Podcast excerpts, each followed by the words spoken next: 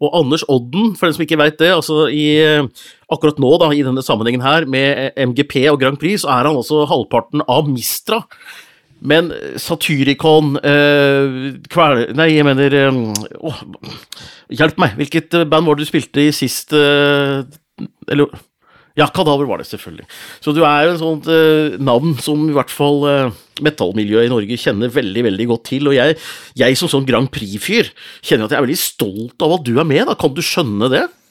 Jeg skjønner jo at du syns det er stas at det kommer folk inn fra utsiden som eh, kan gjøre at livet ditt blir litt, litt morsommere enn det vanligvis er, kanskje? Ja, ja, men det er akkurat det. At det kommer noen utenifra. Det er helt riktig. Jeg vet ikke, har du, har, du har sett den uh, Du har kanskje ikke barn, men den derre adventskalenderen uh, uh, Snøfall. Der var det jo snakk om at det var snøfall, der bodde nissene, og der var det jul.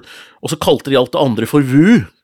Verden utenfor. Og det tenker jeg at du representerer på en måte inn i dette sammenhengen her, verden utenfor. Da. Jeg representerer nok en verden utenfor den verden som også er utenfor, sånn sett, da. Jeg har vel uh, levd et godt liv i skyggene av det meste av uh, showbiz i Norge, men jeg har jobba med musikk såpass lenge at jeg egentlig kjenner hele bransjen også, hvis du skjønner.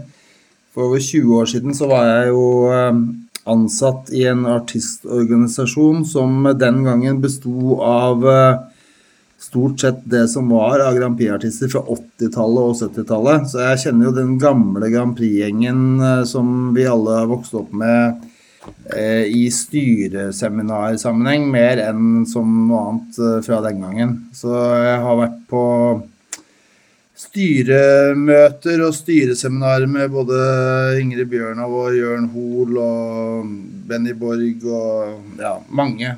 Wenche Myhre har jeg møtt, og det er stort sett alt av de gamle artistkarrieremenneskene fra norsk uh, musikkbransje har jeg jo kjent uh, til, eller møtt, eller uh, kjent opp igjennom, men parallelt med det så har jeg levd et liv i metallundergrunnen worldwide med mine prosjekter som sjelden får oppmerksomhet, verken fra Eh, media eller eh, folk utenfor vår verden. Da. Eh, og det har stort sett gått veldig bra, det også, for at totalt sett så er jo metallverden en musikkverden som lever godt parallelt med det meste, så jeg er veldig vant til å være sånn parallelt univers, egentlig. Så det er kanskje ikke så rart at du er med i MGP som folk tenker helt i utgangspunktet? Mm, nei, altså det som er rart for meg med det, er vel det at jeg uh, på en måte måtte lære meg hva det hadde blitt, hvis du skjønner. For jeg har vel ikke vært hjemme og sett på det på TV siden jeg var uh, eh, 17. Med en gang jeg ble 18, så har ikke jeg vært hjemme og sett på TV på lørdagskvelder som prioritert uh, aktivitet men bare for ordens skyld, hvor gammel er du nå? Nå er jeg 51. Ikke sant? Eh, så på lørdagskvelden så har jeg vært enten på byen eller spilt konsert eller på et eller annet som gjør at uh, TV-underholdning er ikke liksom mitt uh, uh, hovedfokus i, i mitt liv, da. Jeg ser jo heller ikke på verken Nytt på Nytt eller Beat for beat eller Dagsrevyen, liksom, eller barne-TV. Så jeg er liksom litt sånn stuck i hvor, uh, hvor dette her er. Så når jeg skjønte at det var mulig å spille musikk som jeg ikke trodde var aktuell for uh, lørdagskveld uh, på lørdagskvelden på NRK, sånn som det har blitt nå, på våre egne premisser, da var jeg sånn OK. Det bør vi absolutt gjøre hvis det er mulig. Men hovedgrunnen til at det er mulig, er jo vil jeg si, samarbeidspartnerne i prosjektet. da. Jeg tror ikke jeg hadde hatt uh, ideen om å melde liksom, at det her kunne la seg gjøre hvis det ikke var for at uh, jeg har Benedicte Adrian som uh, samarbeidspartner. Hun er jo Grand Prix-stjerne fra 40 år tilbake. Som dere sikkert vet, dere som jobber med Grand Prix. Hun vant jo faktisk Grand Prix for Norge. Og sånn jeg ser det nå, så ville sikkert folk lurt på hvorfor vi ikke var med, på en måte. Så det er sånn bordet fanger. Så enten så lanserer vi et nytt prosjekt med henne og har Grand Prix som springbrett for å vise at vi lager ny musikk. Eller så hadde folk blitt sånn Hvorfor er ikke dere med, for hun har liksom 40-årsjubileum. Så liksom På et eller annet vis så hadde hatt Grand Prix eh, vri uansett om vi er med eller ikke. Så for meg nå så er det bare sånn positivt at vi kan gjøre både det og allikevel ha vår egen greie, som er poenget med hva vi gjør, da. Hva er poenget ditt da med denne låta, 'Walls of Death'? Nei, altså når vi lagde den, altså Det begynte med at vi møttes på et bransjetreff og begynte å snakke om musikk, og så hadde hun eh, en del uh, spennende tanker om uh, at hun ville gjøre noe helt nytt. Og så tenkte jeg hvor nytt skal det være? Jeg var liksom litt sånn i villrede på hva hun ville, og så begynte vi bare å teste litt sånn forsiktig med noen uh, ideer. Og så et par dager inn i den testinga hvor jeg tenkte liksom Ok, hun har virkelig lyst til å lage noe helt nytt. Da har jeg også lyst til å lage noe helt nytt. Så skrev jeg utgangspunktet for det som er Walls of Death. Som var noen tema jeg hadde liggende, men som jeg på en måte ikke hadde satt sammen til en sang. Sendte den av gårde til henne. og hun responderte da umiddelbart med hele sangen i ett take fra et iPhone-opptak, hvor hun bare sang liksom, stort sett nesten sånn som låta er nå. Veldig inspirert. Og da tenkte jeg wow, dette her eh, betyr at hun virkelig har lyst til å gå en ny vei. Og derfra så begynte vi å lage flere og flere låter hvor alle låtene på en måte ble eh, et sound og et uttrykk som jeg var veldig nysgjerrig på. Og nå har vi jo da en albumrelease nå på fredagen, dagen før vi spiller, som uh, har elleve låter av de vi har spilt inn. Vi har faktisk spilt inn enda flere òg, men det er de elleve låtene vi følte hang mest sammen. da. Så hele lanseringa vår på å gi ut nytt album uh, kunne da brukes med Grand Prix som bakteppe, hvis du skjønner. Så for oss er det viktigste at vi forteller folk at vi har lagd den sangen her, veldig stolt av den sangen her. Vi ser veldig frem til å spille den på Grand Prix, men i tillegg til det så har vi jo lagd masse annen musikk sammen, så det er ikke noe sånn oppdrag at vi har liksom lagd altså Utenfra så kan det se ut som noen har liksom tenkt sånn Hva med å sette sammen disse to og lage en Grand Prix-låt? Men det er ikke sånn det har starta. Vi starta med å lage musikk som jeg virkelig faktisk ikke trodde ville passe der, da. Men uh, Uh, ifølge Grand Prix-sjefen og flere andre så er det mange låter vi har på den skiva som kunne passa inn sånn som Grand Prix har blitt, men vi har uh, fokus på at vi lanserer et nytt prosjekt, nytt album, og starter en helt ny karriere sammen som duo. Så det er hele bakteppet for at vi er med i Grand Prix også. Det er jo sånn som ting har blitt nå, så er jo det å presentere ny musikk på TV for et stort publikum er det kun Grand Prix som er igjen for å kunne gjøre. Det finnes jo ingen TV-programmer med ny musikk. Nei, og det syns jeg er et kjempepoeng, for det er jo det vi trekker fram også, vi som uh, er i dette miljøet, da, og som vi har jobba uh, for døve ører i ditt tilfelle, da, for du var ute på byen, som du sa, og, uh, reiste ut og spilte gitar, mens vi andre har jo sett denne utviklingen, ikke sant, og, og, vi elsker jo når det kommer låter som egentlig ikke passer i Grand Prix, altså, ikke sant, og det er de det er på en måte de som står seg. Altså Sami Adnan, det var kanskje mens du fortsatt så på. jeg vet ikke, Det var ikke en låt som passa inn i Grand Prix, det heller? Nei, det er jo stort sett de låtene som ikke passer i Grand Prix, som man husker best. Som egentlig sånn husker jeg også Uh, eller De gangene Norge har vunnet internasjonalt, så har det vel stort sett bortsett fra kanskje La det svinge, som faktisk passa i Grand Prix, sånn sett, som veldig sånn svensk uh, også. Men uh, Secret Garden i 95 husker jeg også, faktisk. Det kan man ikke si var noen sånn åpenbar uh, Grand Prix-sang da. Nei. så det er jo ikke uvanlig at uh, de rareste sangene også gjør det bra. Men jeg tror det viktigste for oss er jo at om det passer eller ei, så er det det at vi lager musikk vi er veldig stolte av sammen, som plutselig får et stort publikum over natta, som er motivasjonen, og at vi, de ser at vi også har mer å by på enn bare liksom én sang. Vi har flere sanger som er sterke på nye albumet og liksom mener noe mer med det enn å bare lage en sang for Grand Prix. Det er jo veldig gøy, syns jeg, at det er med en låt som eh, Dette høres litt rart ut, men det er en podkast, det kan være litt rart. Eh, en losje er jo et sted du går inn for å få fred og ro. Du går inn i en ukjent verden, på en måte, hvor du kan bare være litt skjerma for omgivelser. Eh, og losjer finnes jo inni oss, visstnok. Det er liksom meninga med losjer.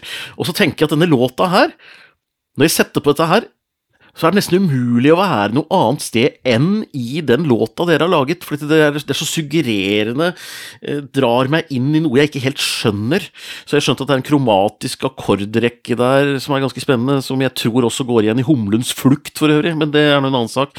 Men, men det er liksom lagd utrolig komplisert, allikevel så er det veldig enkelt, fordi tempoet er lavt, og det er eh, på en måte ja, mystisk, da. Ja, men det er godt å høre at du øh, sier det. Altså, jeg tror også den sangen her mest sannsynlig er en sang som eh, vokser. Eh, altså, den vokste på meg den samme dagen vi lagde den til et sted hvor jeg tenkte wow, har jeg lagd det? Jeg skjønte ikke liksom Altså, det ble sånn larger than life-feeling. Det er derfor vi liksom gikk inn i prosjektet, for vi følte at det vi hadde lagd hverandres begravelsessang, har vi snakka om samme kvelden. Og god, i, på en god måte, da. Så vi, vi har snakka om det nå i ettertid. Kanskje vi burde ringe Jølstad, som selger oss inn som eh, begravelsesband, og dra på gamlehjem og ha audition. Jeg kan booke dere, jeg, men jeg håper det blir en stund til. for det spørs litt Ja, nei, jeg tenkte å dra rundt på gamlehjem og ha audition for folk som skal uh, i pennalet snart, og se om liksom, vi passer inn, da. Det hadde vært ja, det, det syns jeg dere skal nevne på Grand Prix. Altså det, er, det er bakgrunnen for dette her. For det, det, det selger veldig godt eh, i Grand Prix at dette er egentlig laget for Jølstad begravelsesbyrå. Er, eh, da blir det fest hjemme i de tusen hjem. Men eh, Anders, eh, scenisk, altså eh, Hva sa du? Det er mange som trenger en ny begravelsessang. Det er eh, undervurdert hvor bra musikk kan være til en god begravelse. Det må jeg si. Men uh, hvordan skal du løse dette scenisk, da? For dette låta minner meg bitte litt om Teigens voodoo, og det er litt vindar av Terje Rypdal også. Det er litt sånn, jeg får litt sånn vibber tilbake til 80-tallet, og det var noen rare låter med, for dette er litt rart. Uh, det, det, er det. Uh, så tenker jeg men, men, det er en sånn vanvittig kompetent låt som står ut, og det blir på en måte musikernes Grand Prix-låt, da. Og jeg bare lurer Hvordan skal dere gjøre det scenisk? Fordi Teigen løste dette ved å stille opp i skjelettdrakt, og så var det det som fikk oppmerksomhet, og så eh, blei det en Grand Prix-historie ut av, fordi det ble kostymer. Hvordan skal dere jobbe med det? Skal dere bare stå stille og spille sangen fordi det er kunst, eller skal dere lage litt eh, show og spetakkel? Det blir et voldsomt show, faktisk, på denne sangen her. Og det, det, tror jeg er noe med clouet med Grand Prix uansett. er at Nå har jo alle fått høre sangene på forhånd. Det er skjønt at det er uvanlig. Men det er jo det som skjer på scenen på showet som er utslagsgivende for hvor sterk sangen blir i sammenhengen. Og her må jeg si at jeg må gi props til, uh, til NRK med å ansette hun Mona Berntsen. Det tror jeg er et sjakktrekk for alle sangene for, på mange måter. Hun har da for alle vi som er med nå, så er hun i sitt første år hvor hun virkelig skal vise hva hun kan. Og det tror jeg er fordel for absolutt alle. da, At det der showene som er nå, er eh, på et nivå som jeg tror er høyere og mer spennende og forskjellig enn det nødvendigvis har vært før. Og det showet vi skal ha, har hun da hun har jo, Vi har jo kommet med det, vi har jobba en del med det på forhånd. Hun har trumfa gjennom en del spesialting til oss, og det tror jeg hun har gjort for flere. Men hun har virkelig fått uh, uh, maksa ut potensialet. Her skal vi ha, uh, så vidt jeg forstår det, åtte vindmaskiner og noe sånn fabric som gjør at vi ser ut som vi står i en eller annen sånn vill storm som kommer, bygger seg opp til refrenget og går ned igjen. Og vi har også noen dansere som gjør ting som illustrerer på en måte både tekst og feeling. Eh, som flyr veggimellom rundt oss, mens vi på en måte er eh, to superhelter fra fremtiden hvor apokalypsen har liksom gått gjennom for mange år siden.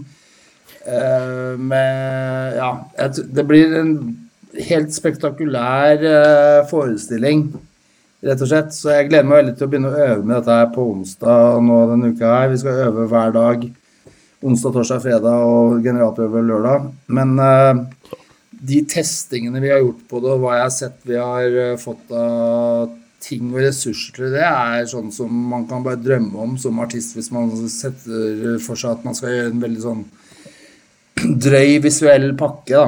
Det er det som er veldig gøy for, fra mitt ståsted. For at budsjettene på dette her, hvis du skulle gjort det som artist sjøl i en, bare en video, ville jo vært uh, beyond det som er normalt å få betalt for nå til dags, da, sånn som platebransjen har blitt.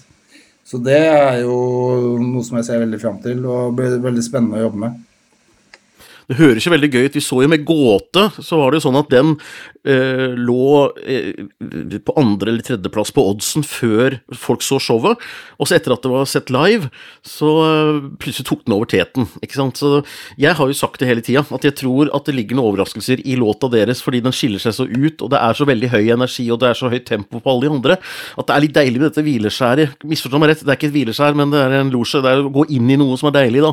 Så jeg har jo veldig trua på at dette her kan bli finaleplass, selv om jeg ser at uh, det ikke er uh, innafor kjernepublikummet normalt til MGP. Men dere har jo samarbeidet med Godsminister. Han har sittet og kommentert delfinale to sammen med dere på et arrangement i Fredrikstad, og han snakker om at rockere stemmer på hverandre. Så hvis dere får med dere også hans fanskare, for han er jo allerede i MGP, hvis de stemmer også på dere, så må jo det være en kjempefordel. Ja, Pluss at vi har jo navnet vårt Mistra er jo en elv i Rendalen. Og Rendalen kommune har jo underkant av 2000 innbyggere, men det er 6000 medlemmer på en eller annen sånn Rendalsgruppe med masse sånn lokal uh, tilknytning. Og de har jo meldt fra sjøl at de skal virkelig liksom uh, følge med på dette her, da, for de ser jo det som en uh, ja, det blir litt sånn norsk uh, bygdestolthet med at vi har tatt navnet fra min barndoms uh, ferieplass, Rendalen, hvor faren min kommer fra.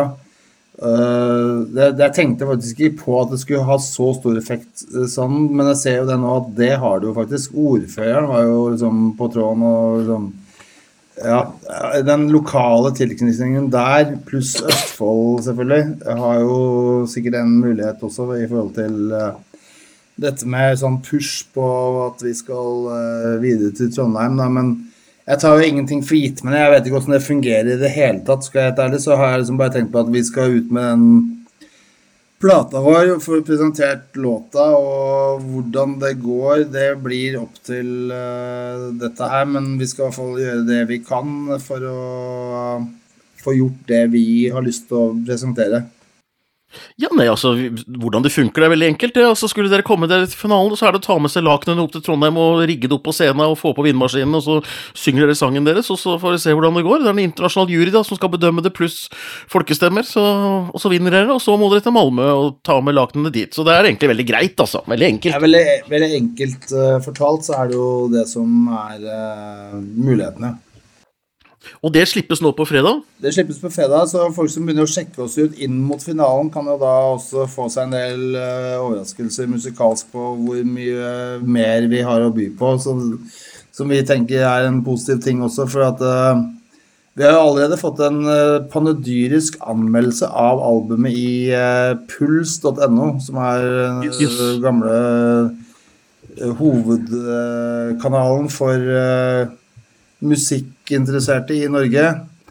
Og det viktigste for oss er jo blitt si, at vi åpner en eh, Pandoras boks for oss som artister og musikere til en ny, ja, ny retning for oss begge. Og at de som uh, har fulgt oss begge også før, kan finne en ny retning sammen med oss da, på det. Så jeg håper jo at uh, alt det her eh, gjør at vi kan bare ja, fortsette med det vi har begynt på, og så lage oss en ny vei innover i fremtiden. Vi har jo allerede planer for i hvert fall to album til, så vi, vi er på en måte på god vei med prosjektet vi har sammen, uavhengig av MGP nå. Men det her gir oss en plattform til å vise det fram fort da, til et større publikum, så det er jo gøy, det. I love it. Ronny, er ikke dette kult? Jo, det er kjempestilig. Jeg bare ønsker masse lykke til. og jeg tror veldig mange tenker at det er enkelt å sette sammen et sånt prosjekt for MGP. Men her ligger jo en plate til grunn, så dette er et prosjekt som er satt sammen fordi det er et prosjekt som bør settes sammen. Ja, og det, det jeg tror det, Mitt uh, inntrykk av de som uh, har vært og sett oss live et par ganger nå, og fått uh, liksom mer innblikk i det, er utelukkende ikke bare positivt, men sånn der Wow, dette er dette jeg liksom venta på. Altså, jeg er jo superfan av Benedicte Adrian som vokalist fra før, i likhet med alle andre. Og For meg så er det gøyeste med dette her er jo å ta henne fram i lyset igjen og vise hva hun kan og vil gjøre sjøl, ikke minst som artist. Og hun er jo en av skal jeg si, de, de fra 80-tallsfaunaen av norske artister som på en måte egentlig aldri har gjort noe feil heller, på en måte. Hun har liksom bare gjort uh, veldig, veldig sterke ting, veldig spesielle ting blitt litt sånn uh, fada ut av en periode som småbarnsmor og litt så, sånne ting som skjer i livet. Men når hun er tilbake nå som artist, så er hun Det hun sa til meg, at det, det her gir henne en enorm sånn uh, frihet og ro. At hun bare kan gjøre noe som hun har lyst til, og 100 uh, bare gønne på med det hun faktisk vil, og at hun vil gjøre det med meg, er for meg bare en helt fantastisk gave. Og da kan jeg liksom gi tilbake til oss alle som elsker hennes stemme og vil henne vel på alle måter. Ikke bare liksom en ny uh, stepping stone for karriere, men altså dette her er det hun uh, sitter på. Så jeg oppfatter at hun er på en måte som en sånn reborn artist i prosjektet. da. Det er veldig gøy å jobbe med det. Det er veldig lett å jobbe med det. Ingenting av det her er noe stress for oss. Det er bare kjempegøy og entusiastisk. Eh, og det er vi, vi har selv funnet på det. Det er ingen som har bedt oss om å gjøre det. Det er ingen som står bak oss med noe sånn agenda. Det er kun vi som gjør alt. Det er en sånn enorm frihet og lykke jeg kjenner på å kunne liksom gi Benedicte Adrian tilbake til de som eh, skal si, slapp henne på Witch Witch, og bare si at dette her er et naturlig eh, follow-up til der hun skal si, slapp attention fra folk den gangen. Og så får vi bare se hva slags spennende ting vi kan utvikle ut fra det. Det er i hvert fall veldig gøy for meg det virker som hun har kommet hjem i låta, og det er det som jeg liker med låta, at uh, dette, dette, er på en måte Benedictes hjem i den alderen og i den livsfasen hun er i nå. Det, det, høres på låta at dette er på plass på alle måter, da. Så jeg som var i London i 92 uh, sammen med dem og dekka denne her premieren på Witch Witch, satt og drakk øl med Benedicte Adrian og Ingrid Bjørn og gjengen, jeg, så har jeg liksom fulgt dem med litt sånn spesiell interesse. Det var veldig gøy.